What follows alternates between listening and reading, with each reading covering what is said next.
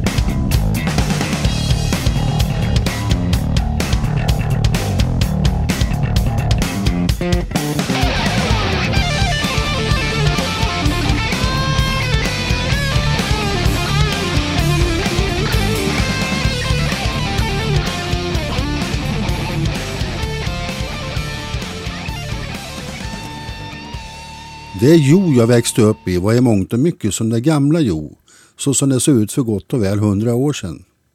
Den stora förändringen har skett under min livstid. Men då var det fortfarande en liten pittoresk stad som hämtade ur en litterär pastoral idyll. Här börjar min resa och här har jag således fått privilegiet att leva mina dagar. Här skapar jag min musik och här föds mina texter. Vätterns blåa band har för mig alltid varit som ett fönster ut mot världen. Och jag minns fiskargubben ute på Söders ljugarbänk som lärde mig insikten av den poetiska betydelse en sådan utsikt bjuder själen. Eftersom mitt liv till stor del har bestått av skapande frågar jag mig ibland vad som är hönan och ägget. Skulle jag kunna gjort det jag gjort var som helst? Eller är det miljön som gett mig möjligheten?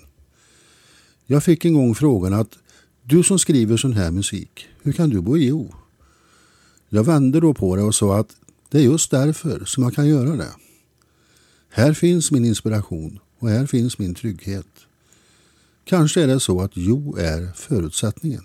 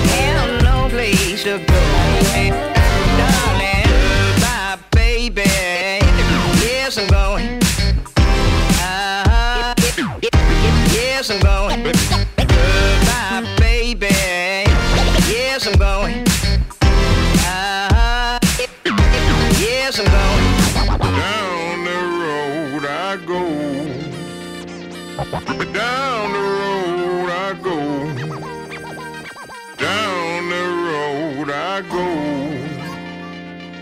Down the road I go.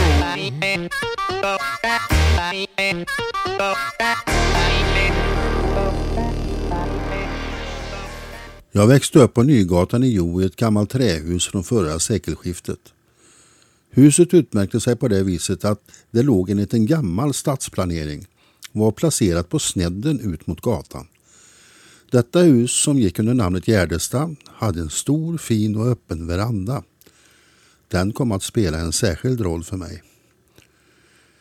1966 invigdes det nya badet i O och vi unga var inte sena med att dagligen häcka ner i bassängen. Men det visade sig snart att premiärdoppen skulle bjuda på en obehaglig överraskning. En konstig smitta spreds och drabbade en del av oss barn. Jag blev jättesjuk. Och om jag kommer ihåg saken rätt så hade jag dragit på mig något som kallades hjärninflammation. Där får jag dock reservera mig något för hörsägen eftersom det var vad farbror doktorn sa som kom på hembesök. Två veckor i sängen med hög feber och huvudvärk. Och det var då min snälla pappa fann ett sätt att föra sin lille pojk tillbaka till en levande skara.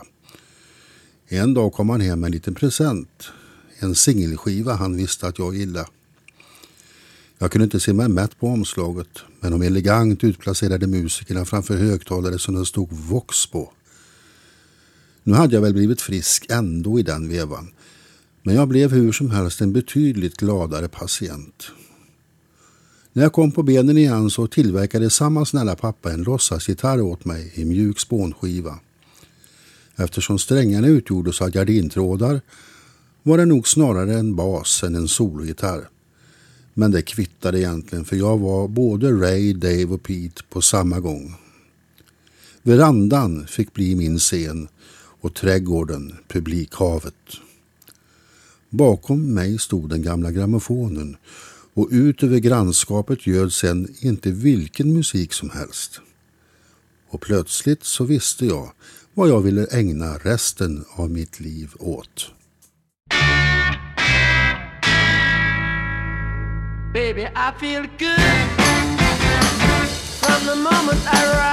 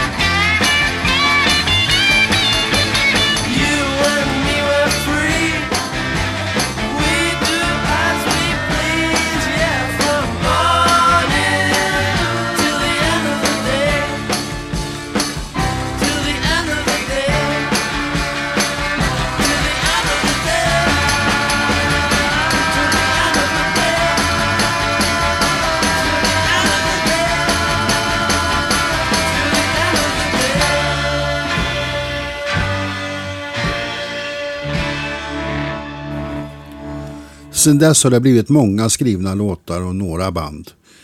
Men mitt kanske riktiga band, Robin Friends, ja med dem blev det en hel del spelningar under de nästan sex år vi existerade.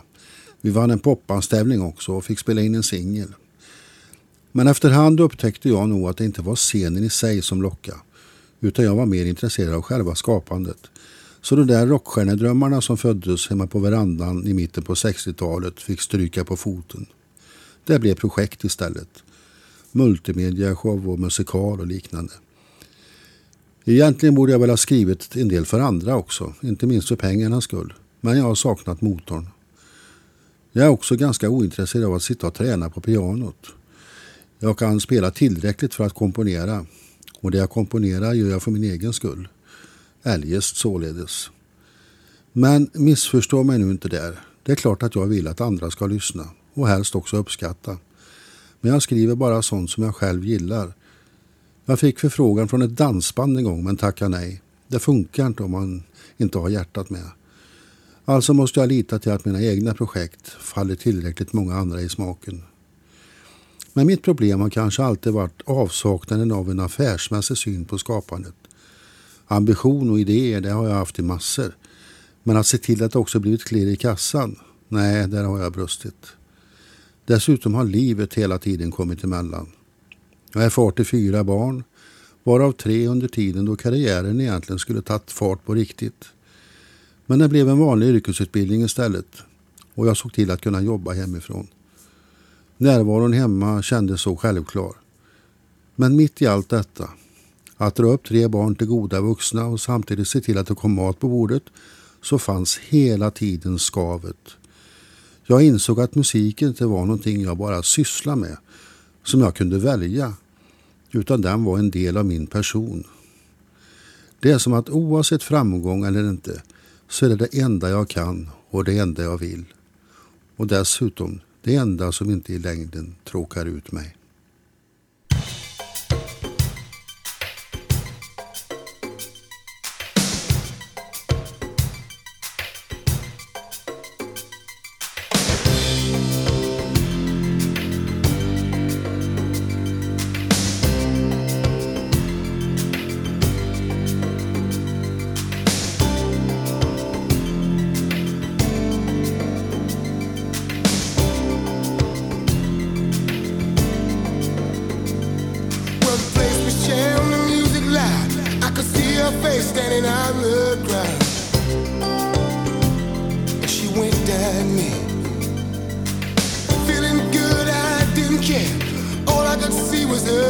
Standing there. See, the crowd got up, the band was playing, and in my mind I could hear her say. I love you. She could have been from anywhere.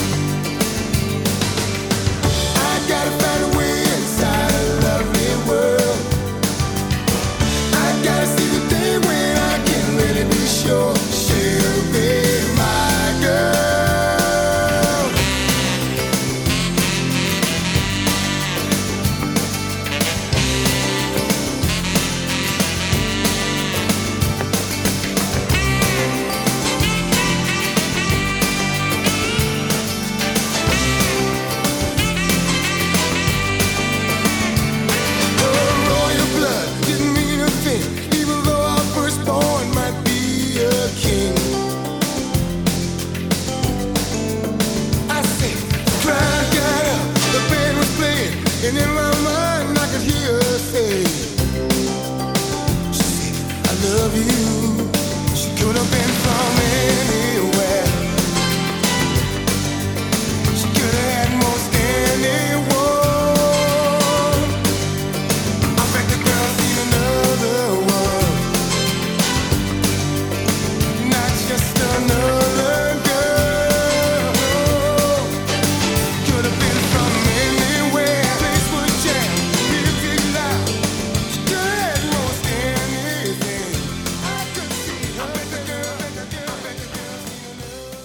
Avveckla musikskolan. Minska anslagen till kulturskolorna. Dra in kulturstöden. Vi har hört uttalandena och sett rubrikerna allt oftare de senaste åren. När populismen har vind i seglen och de nyliberala marknadskrafterna lapar grädde, ja då är kulturen ett område som hamnar i skottkluggen, lika säkert som amen i kyrkan. Den ses som något försumbart, onödiga utgifter, förströelse och underhållning. Ingenting kan vara mer felaktigt. Ja, det är rent av genomkorkat. För ett antal år sedan presenterades en forskningsstudie som i dagspressen fick den något provocerande rubriken att avstå kultur är lika farligt som att röka. Det man ville ha sagt med detta det var att det var rent hälsovådligt för en människa att inte ta del av kultur. Att inte läsa böcker, att aldrig gå på teater eller bio, att inte titta på konst, att avstå musik, att rata poesi och så vidare kan således vara skadligt för hälsan. Människan är ingen maskin. Hon är i allra högsta grad en levande organism på två ben och om en människa ska bli komplett så krävs det mer än bara mat och arbete. Vi behöver stimulans. Vi behöver lära oss att reagera, tänka, känna och uppleva. Vi måste få intryck utifrån. Vi måste utforska varandra och vårt eget inre. Färg och form och toner och ord och glädje och sorg och vackert och fult och smakfullt och smaklöst. Skratt och gråt. Eufori, skräck, vishet, dumhet. De stora frågorna och de triviala funderingarna. Allt ryms i de sköna konsternas stora trollerilåda. När Pablo Picasso helt riktigt påpekar att konsten är den lögn som får oss att inse sanningen så menar han att konsten, vilken den än må bestå i, är en lögn i den bemärkelsen att den är skapad, konstruerad och inte är det vi till vardags kallar för verklighet. Genom denna fiktion får vi intryck som kan fördjupa synen på världen, varandra och oss själva. Den tänkande människan blir den kännande och reagerande människan. Precis som barnet leker verkligheten skapar vi konst därför att vi har ett behov av att definiera våra liv, vår verklighet och fantasi. Och konsten besitter en kraft som varje diktatur fruktar. Bland det första en diktatur försöker göra det är att göra sig av med sina konstnärer, poeter, kompositörer och författare. De utgör rösten, den som inte går att tysta. De är rösten som talar till människors känslor och själ, dit där kulor och piskrapp inte når. I värsta fall för stöveltrampets folk berättar den sanningen, avslöjar bluffen och klär av bedrägeriet. Därför är den farlig, livsfarlig.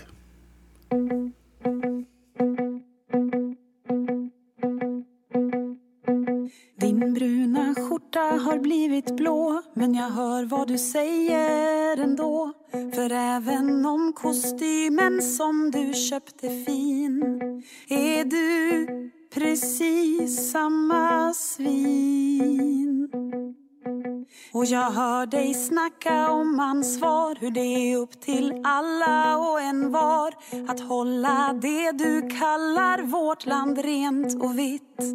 Men Sverige är inte ditt och mitt och du, jag vet vem du är. Jag hör stöveltrampet bakom dig. Jag vet vem du är. Du kan aldrig någonsin lura mig. Jag vet vem du är Var du varit Vem som står med dig. Jag vet vem du är Dina lögner lurar inte mig. Aldrig att jag ställer mig i ledet. Jag vill kunna säga till mina barn när vi en gång pratar om hur det var att jag var en av dem som kunde stå emot den här tidens verkligt stora hot. För du, jag vet vem du är. Jag hör stöveltrampet bakom dig. Jag vet vem du är. Du kan aldrig någonsin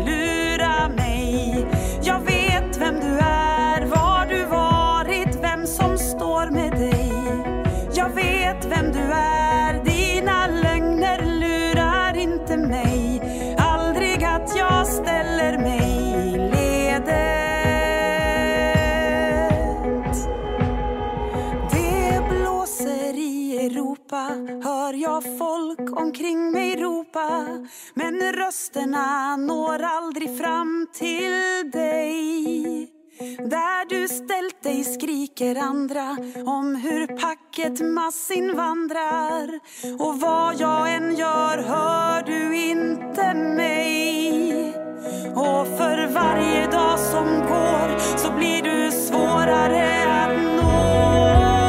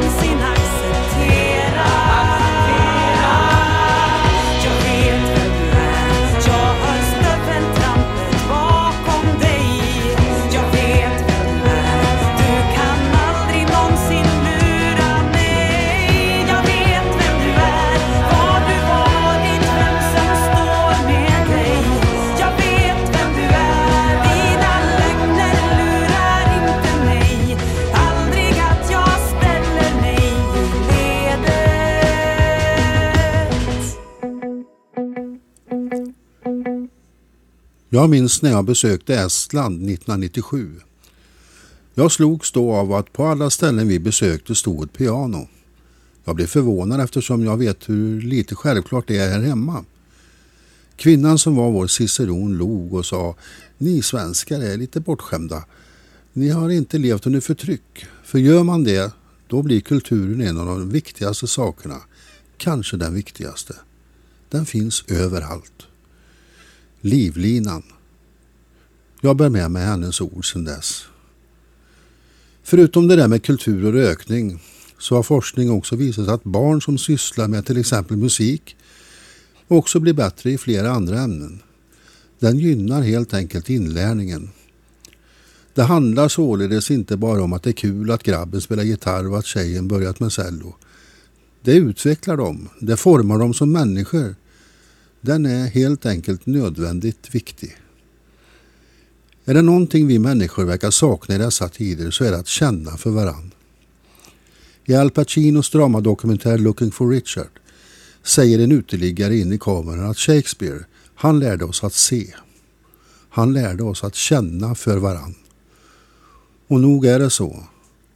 Shakespeares utforskande av det mänskliga psyket och spelet mellan människor har hjälpt oss en bra bit på vägen till insikt och reflektion över vårt vara eller icke vara.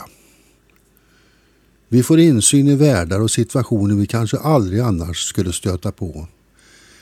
När vi lämnar teatersalongen kan vi bära med oss en scen eller en replik som förändrar våra liv. Den där tavlan kanske fyllde din själ med något du inte kan ta på, men bär med dig. Och den där dikten, den som gjorde att du aldrig kan återvända och bli exakt likadan igen. Vi måste inte förstå allting. Vi kan känna, uppfyllas och glädjas ändå. Ibland även chockas då konsten både kan, vill och ska provocera. Röra om i det stillastående vattnet så att ringarna kan föra oss vidare mot nya stränder. Ja, det låter kanske högtravande men egentligen är det ganska enkelt. Då likgiltigheten är en del av människans största fiender så kan den rubbas ur sina cirklar genom att någon sparkar oss rejält där bak. Men konsten handlar också om ren njutning. Det är bara att ta in, eller ren underhållning. Ibland måste vi bara få glömma vardagen och få åka med bort helt anspråkslöst. Kultur är till för alla. Det finns en kaka för varje smak och det finns en bakelse för alla tillfällen i livets kalas. Allt ryms där inne. Allt ryms i den där världen vissa vill begränsa, en del rent av förbjuda. Men att skapa, det är att leva. Beröva inte barnen det. Beröva ingen det.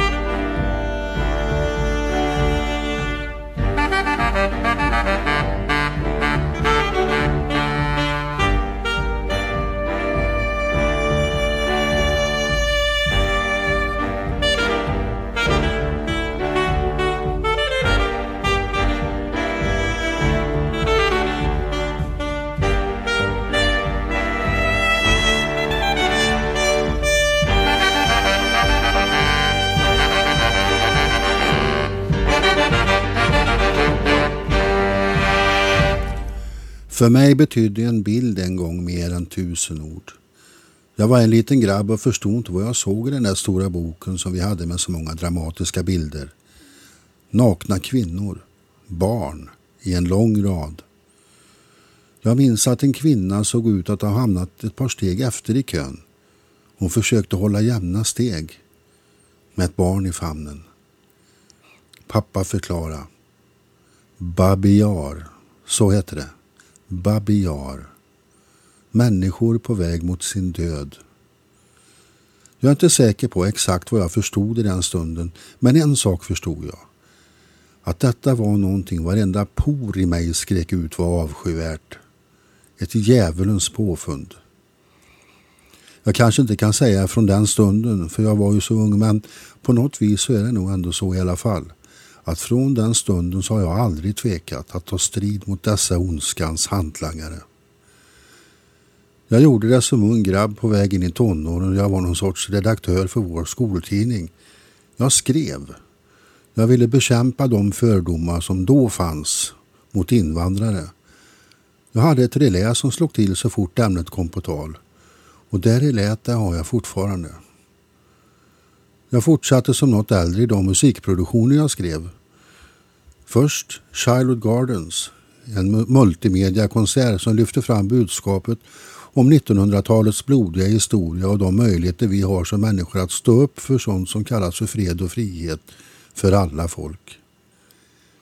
I Victor Hugos Ringaren i Notre Dame så drogs jag till en berättelse om den utstötte, föraktad av alla men vars hjärta var godare än de som bespottade honom. Och så vidare. Nu håller jag på med en rockopera, Richard Rocks, där jag tillsammans med min hustru Maria arbetar med ett material som är rykande aktuellt i dessa dagar. maktgirighet och hänsynslöshet för att nå sina mål. Ian McKellen träffade mer än rätt när han gjorde sin filmversion 1995 och flyttade handlingen till ett fascistiskt övertagande i 1930-talets England. Shakespeare visste hur en despot fungerar. På Facebook, där jag till vardags häckar en del, har mitt patos för den så kallade antirasismen bara växt. Jag har insett möjligheten med denna plattform och på så sätt så använder jag nog Facebook istället för en blogg. För mig finns idag egentligen inget viktigare än att på alla sätt motverka den framväxande fascismen som också innebär att vanliga människor triggas till att skapa ett allt omänskligare samhälle. Eftersom vi skriver båda två, jag och Maria, så har vi blivit ett sorts radarpar kan man säga och har hittat en fungerande form där vi kompletterar varandra. Och vi har ett tydligt syfte och mål. Dels att sporra andra att stå raka i hatstormen och känna förtröstan i missmodet.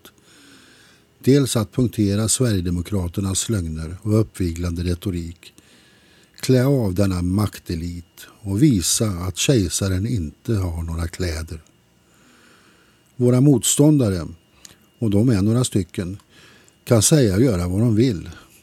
De är i det långa loppet ändå förlorare. Sådana här rörelser har bara en sak att komma med. Och för att lyckas med den skiten så måste de ljuga så näsan till slut går att hänga tvätt på. Ondskan, för det är den vi talar om här, har aldrig haft en framtid. De flesta människor vill leva sina liv i fred och frihet, sådana som de är. Vi bestämmer, du och jag, om det ska vara möjligt.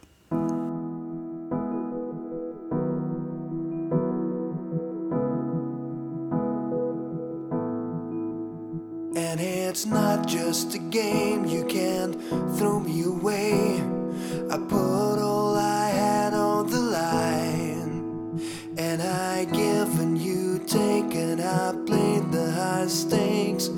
won and I've lost, but I'm fine.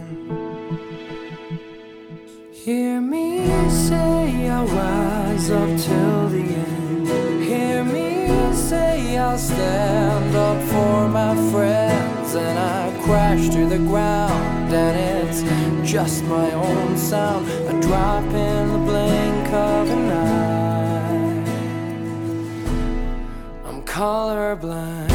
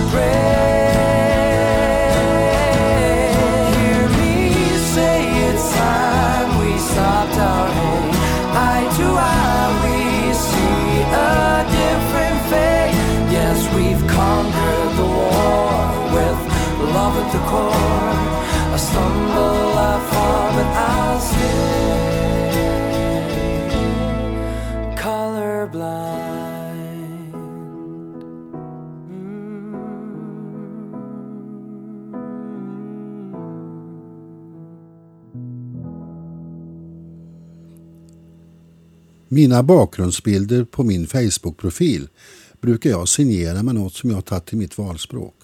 Concia mens recti. Det betyder ungefär att man i sitt hjärta vet att man gjort det rätta. Att ha bevarat sin integritet.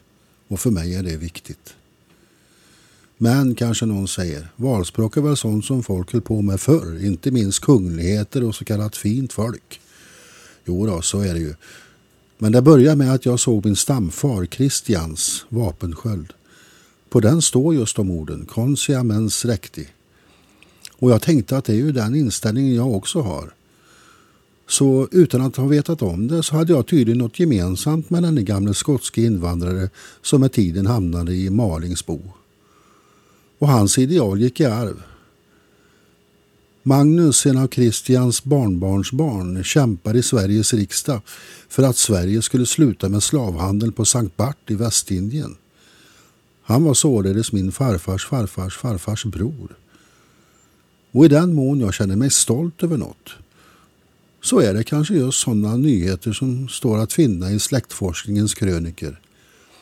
Och det känns ju bra att själv få vara en del av det arvet och att göra det jag kan för att höja min röst mot rasismen och fascismens framfart. Att i mitt hjärta veta att det är det rätta.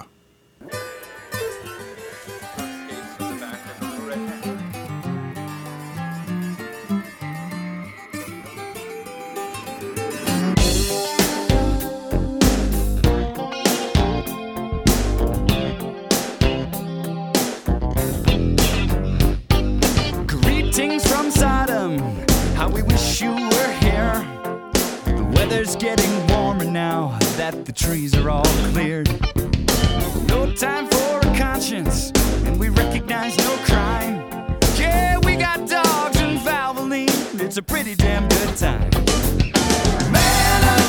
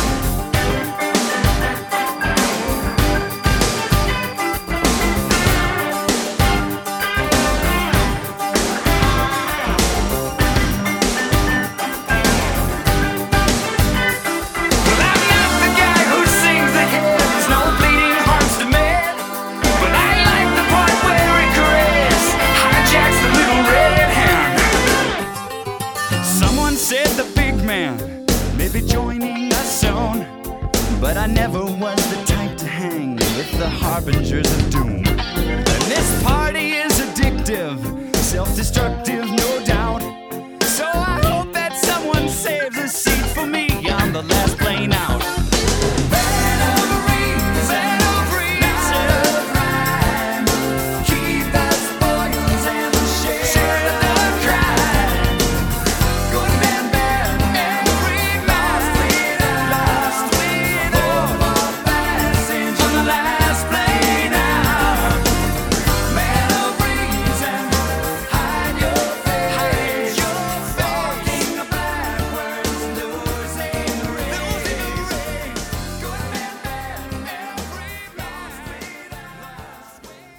vill sälja sin kropp till mig.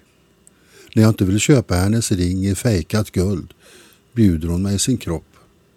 50 spänn. En ung vacker romsk kvinna och några steg bakom henne någon som jag förmodar är hennes lilla syster. Slitna, prisgivna åt försynens allmosor. Förnedrade, det är klart. Hon säljer sig själv billigare än vad hon begär för krimskramsringen i fejkat guld. 50 spänn. Jag försöker förklara för henne, men vi förstår inte varann. Jag tecknar åt henne att vänta kvar. Går in i kassorna för jag måste växla till med kontanter. Från kön till kassan så ser jag dem där utanför genom det tjocka fönsterglaset.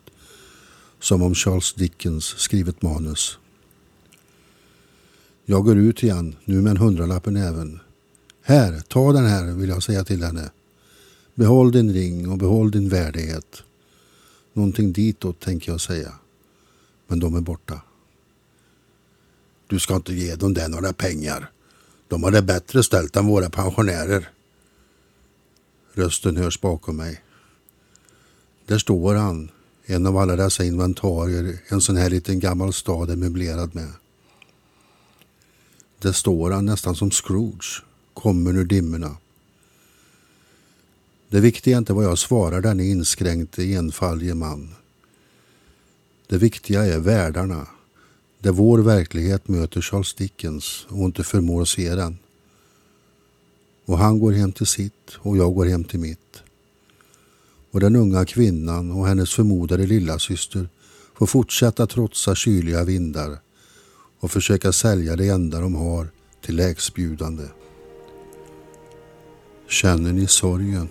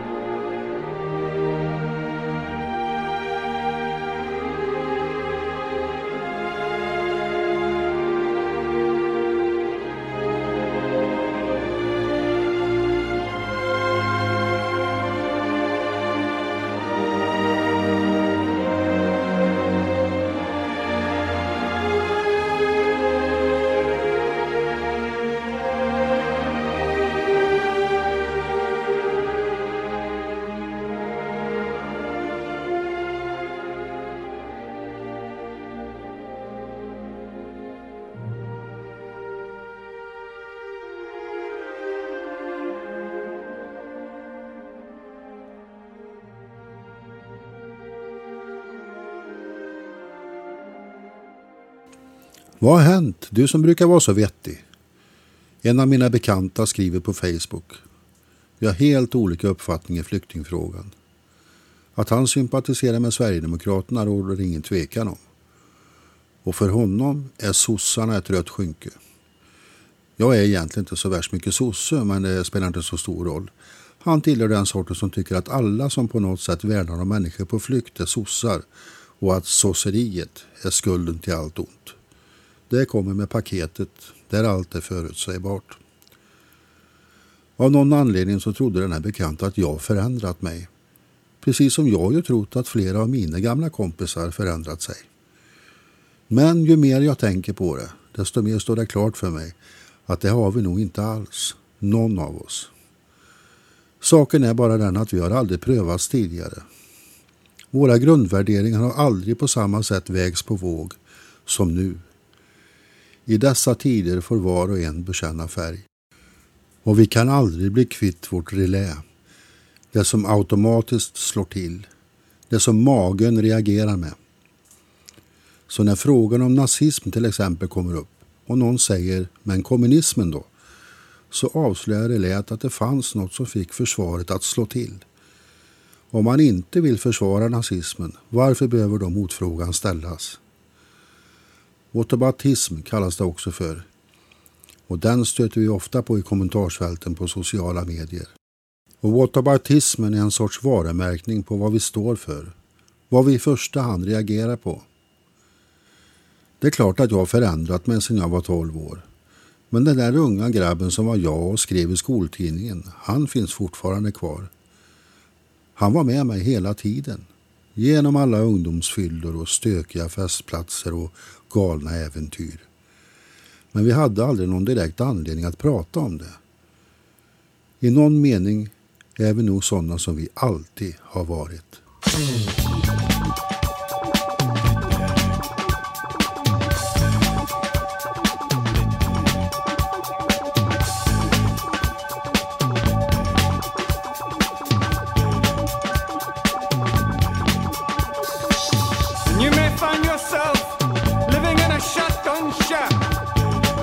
Find yourself in another part of the world. And you may find yourself behind the wheel of a large automobile. And you may find yourself in a beautiful house with a beautiful wife.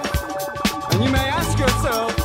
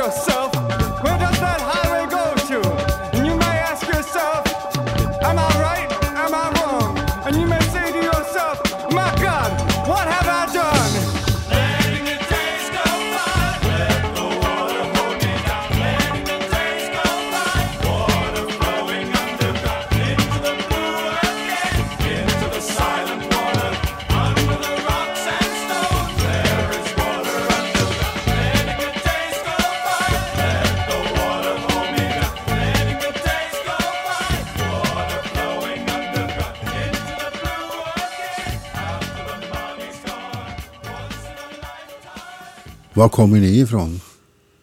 Frågan är inte vänligt ställd. Den är kanske inte heller fientlig. Den är bara misstänksam.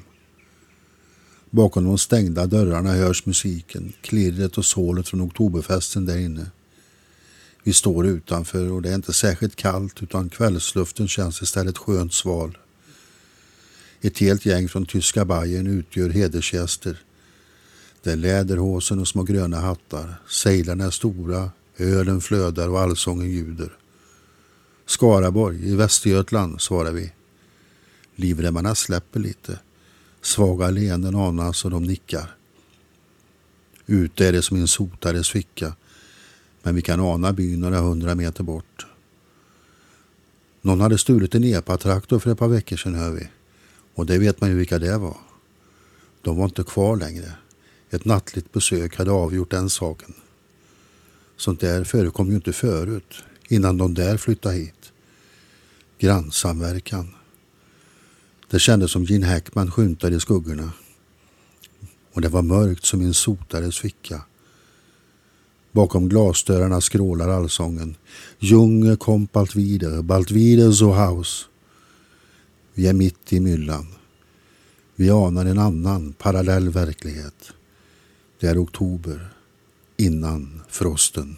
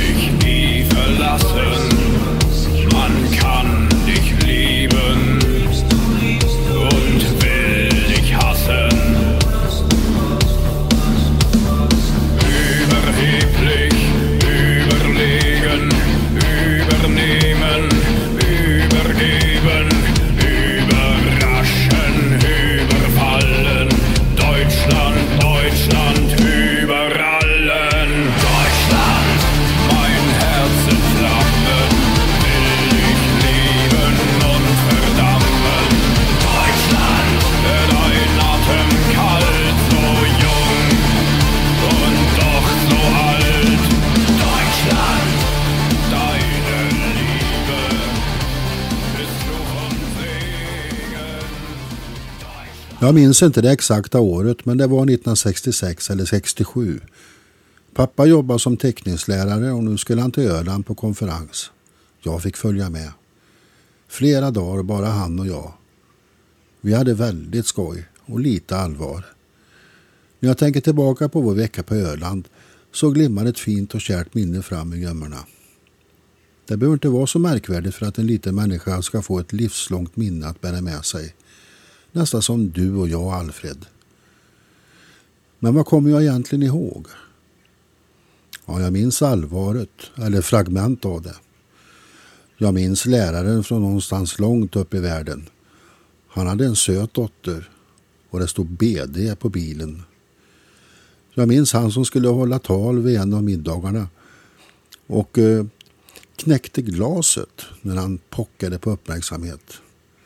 Jag minns mina taffliga teckningar av väderkvarnar och tokar från någon av våra små exkursioner. Annars minns jag egentligen inte så mycket. Inte ens när jag var 66 eller 67. Men känslan, den har jag kvar. Lika stark.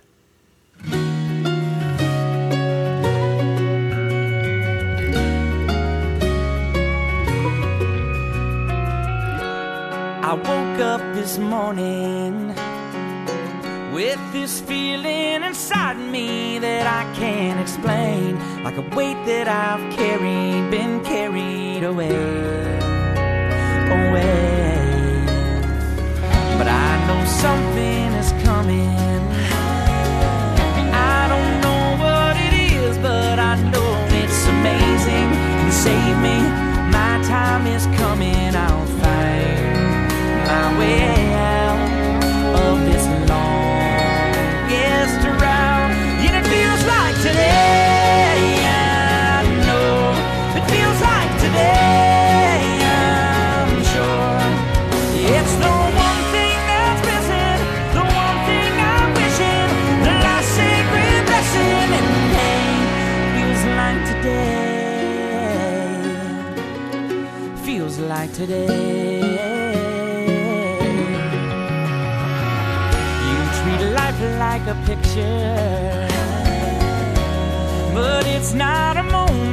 That's frozen in time. It's not gonna wait till you make up your mind at all. So while this storm is breaking, while there's a light at the end of the tunnel, you keep running towards it, releasing the pressure that's in your heartache.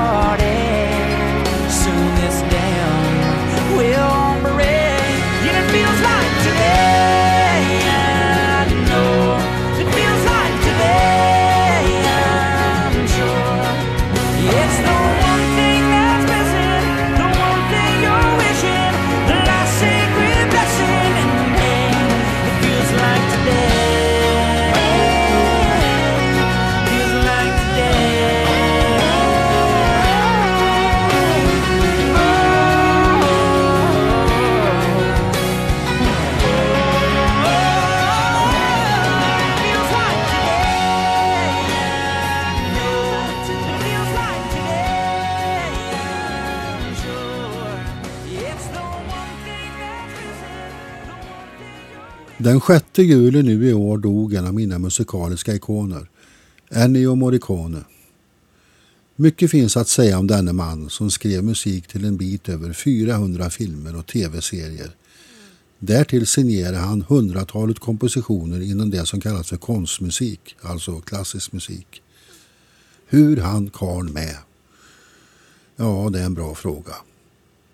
Men han hade en blygsam själ som inte gjorde mycket väsen av sig. Hans själs universum tog desto större plats genom den musik som trollband, publik och biobesökare världen över. Jag tänker inte fördjupa mig i hans levnadshistoria här och nu men konstaterar att jag lånar en sak av honom i något som jag tidigare sagt i det här programmet. Att musik är det enda som inte tråkar ut mig. Under sitt nästan 92-åriga liv hade han bara ett enda civilt jobb och det var på posten. Men han stod inte ut. Och det var i det sammanhanget han fällde den kommentaren. Jag vill här hedra hans minne genom att spela ett kort stycke från den fantastiska filmen Cinema Paradiso. Vila i frid, Maestro Morricone.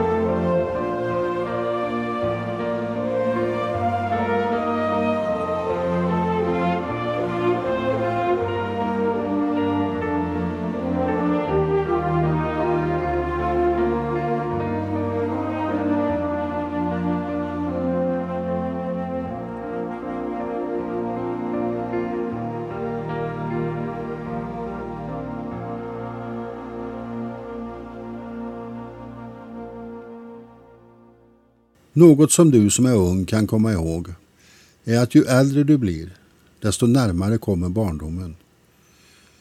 Livet är som en cirkel som sakta sluts. Tiden tickar på och vi lämnar vår uppväxt bakom oss. Men sen är det som om att vi möter den igen, ansikte mot ansikte. Likadant är det med rösterna. De har hunnit vända och kommer tillbaka till en som ett eko. Och de finns där många gånger som min skottsäkra väst. Jag kan inte längre höra min mammas röst fysiskt. Men inuti mig klingar hon allt starkare. Hon som lärde mig stå rak och aldrig ta skit från någon, kung eller klockare. Livet hade gjort henne sån. Hon kom ut från sin barndom som statarunge med rak rygg, men med sårad själ. Även om hon aldrig sa det så fick jag ofta känslan att det hon alltmer gjorde på ålderns höst var att stå ansikte mot ansikte med den lilla flicka som en gång var hon. Vi möter oss själva och det blir ett sätt att bearbeta. Det brukar heta att allting kommer ikapp och det må låta som en sliten klyscha, men är alldeles sant. Jag tänker tillbaka på vissa saker i min barndom, sånt som i någon mening var traumatiskt då och som gör ont i mig nu. Jag kan tycka synd om grabben. Den där lille pojken som egentligen är jag, men som ändå känns som en annan person. Jag vill dra honom till mig och säga att det ordnar sig. Jag vill ge honom goda råd. Det är så mycket jag vill berätta för honom. Men på samma sätt som rösterna ur historien ekar, på samma sätt är mina ord stumma tillbaka. Han var tvungen att gå den långa vägen och komma till insikt alldeles på egen hand, ty sådant är livet. Om jag lärt mig en visdom så är det den stoiken Marcus Aurelius klätt jord. Det spelar ingen roll vad som händer dig, utan hur du förhåller dig till det. Saker händer oss och sker ofta utan att vi kan påverka det. Det kan vara de där hårda törnarna som livet kan ge. Och det kan vara sådana dagar som Olle Adolfsson skrev om när han skaldade att där ute är det sommar, men här inne är det höst. Det enda vi kan göra, i alla fall ofta, är att förhålla oss till det. Jag kan välja att gå åt det ena eller andra hållet. Givetvis lättare sagt än gjort, det ska erkännas. Men hur ofta låter vi inte negativa händelser dra ner oss? Det är det jag gör idag när jag står ansikte mot ansikte med mig själv. Pojken mot mannen.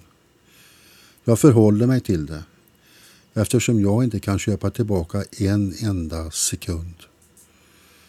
Jag delar besvikelserna med honom. Jag bär hans bördor. Jag förlåter honom. Jag tröstar honom, mig själv. Jag måste förhålla mig till det faktum att mitt liv inte är ett nollsummespel. Förhålla mig. Låta udda vara jämnt. Och istället glädja mig åt allt jag vann.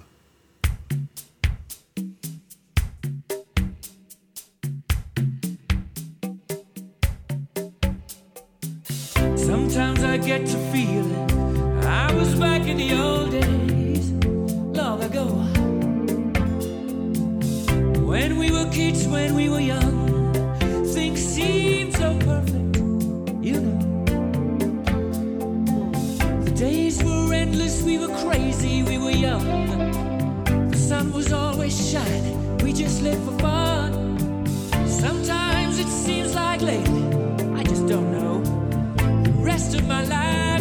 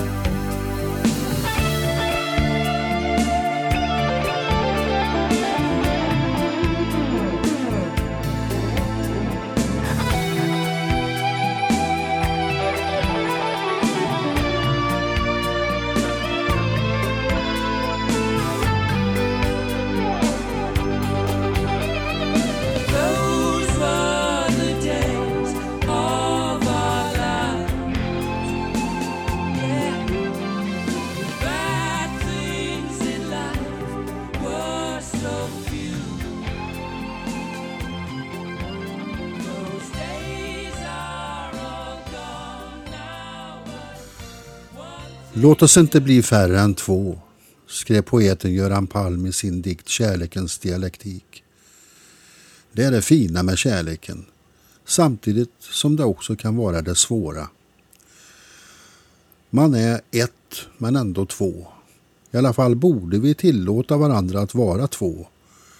Att ge varandra luft och ha ett eget liv är inte hotfullt. Tvärtom är det kärlekens substral som får blomman att växa sig stark. Men tyvärr verkar många hamna i en possessiv spiral som kväver den frihet man borde uppleva med varann. Att tillåta den andra vara precis som den är. Att inte försöka ändra på saker för att passa in i sin egen idealbild. Att inte vara rädd utan stödja när ens partner vill gå sin egen väg i livet. Man kan gå sin egen väg och ändå vandra tillsammans. Så nu vet ni hur jag har det. Jag får nämligen vara precis den jag är. Som jag är.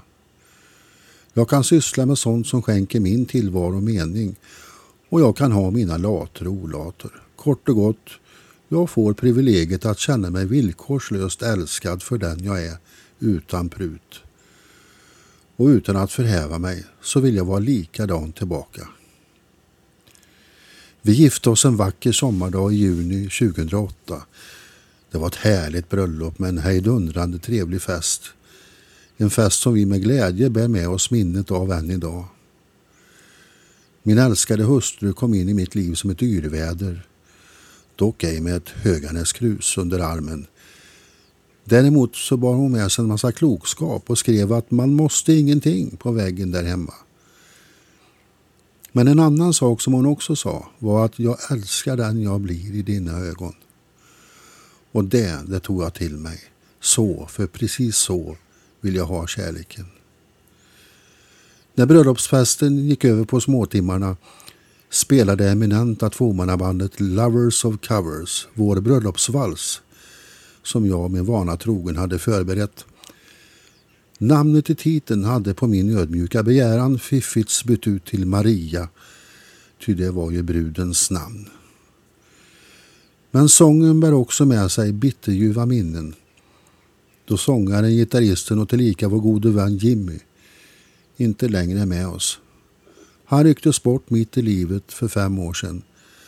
Och därför blir denna musik även en påminnelse om hur skör livets stråt kan vara och att vårda kärleken varje dag för morgondagen är långt ifrån självklar.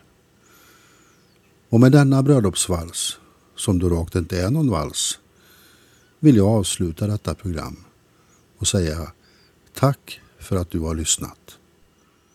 I remember all my life raining down as cold as ice. Shadows of a man, a face through a window, crying in the night. The night goes into morning, just another day. Happy people pass my way. Looking in their eyes, I see a memory. I never realized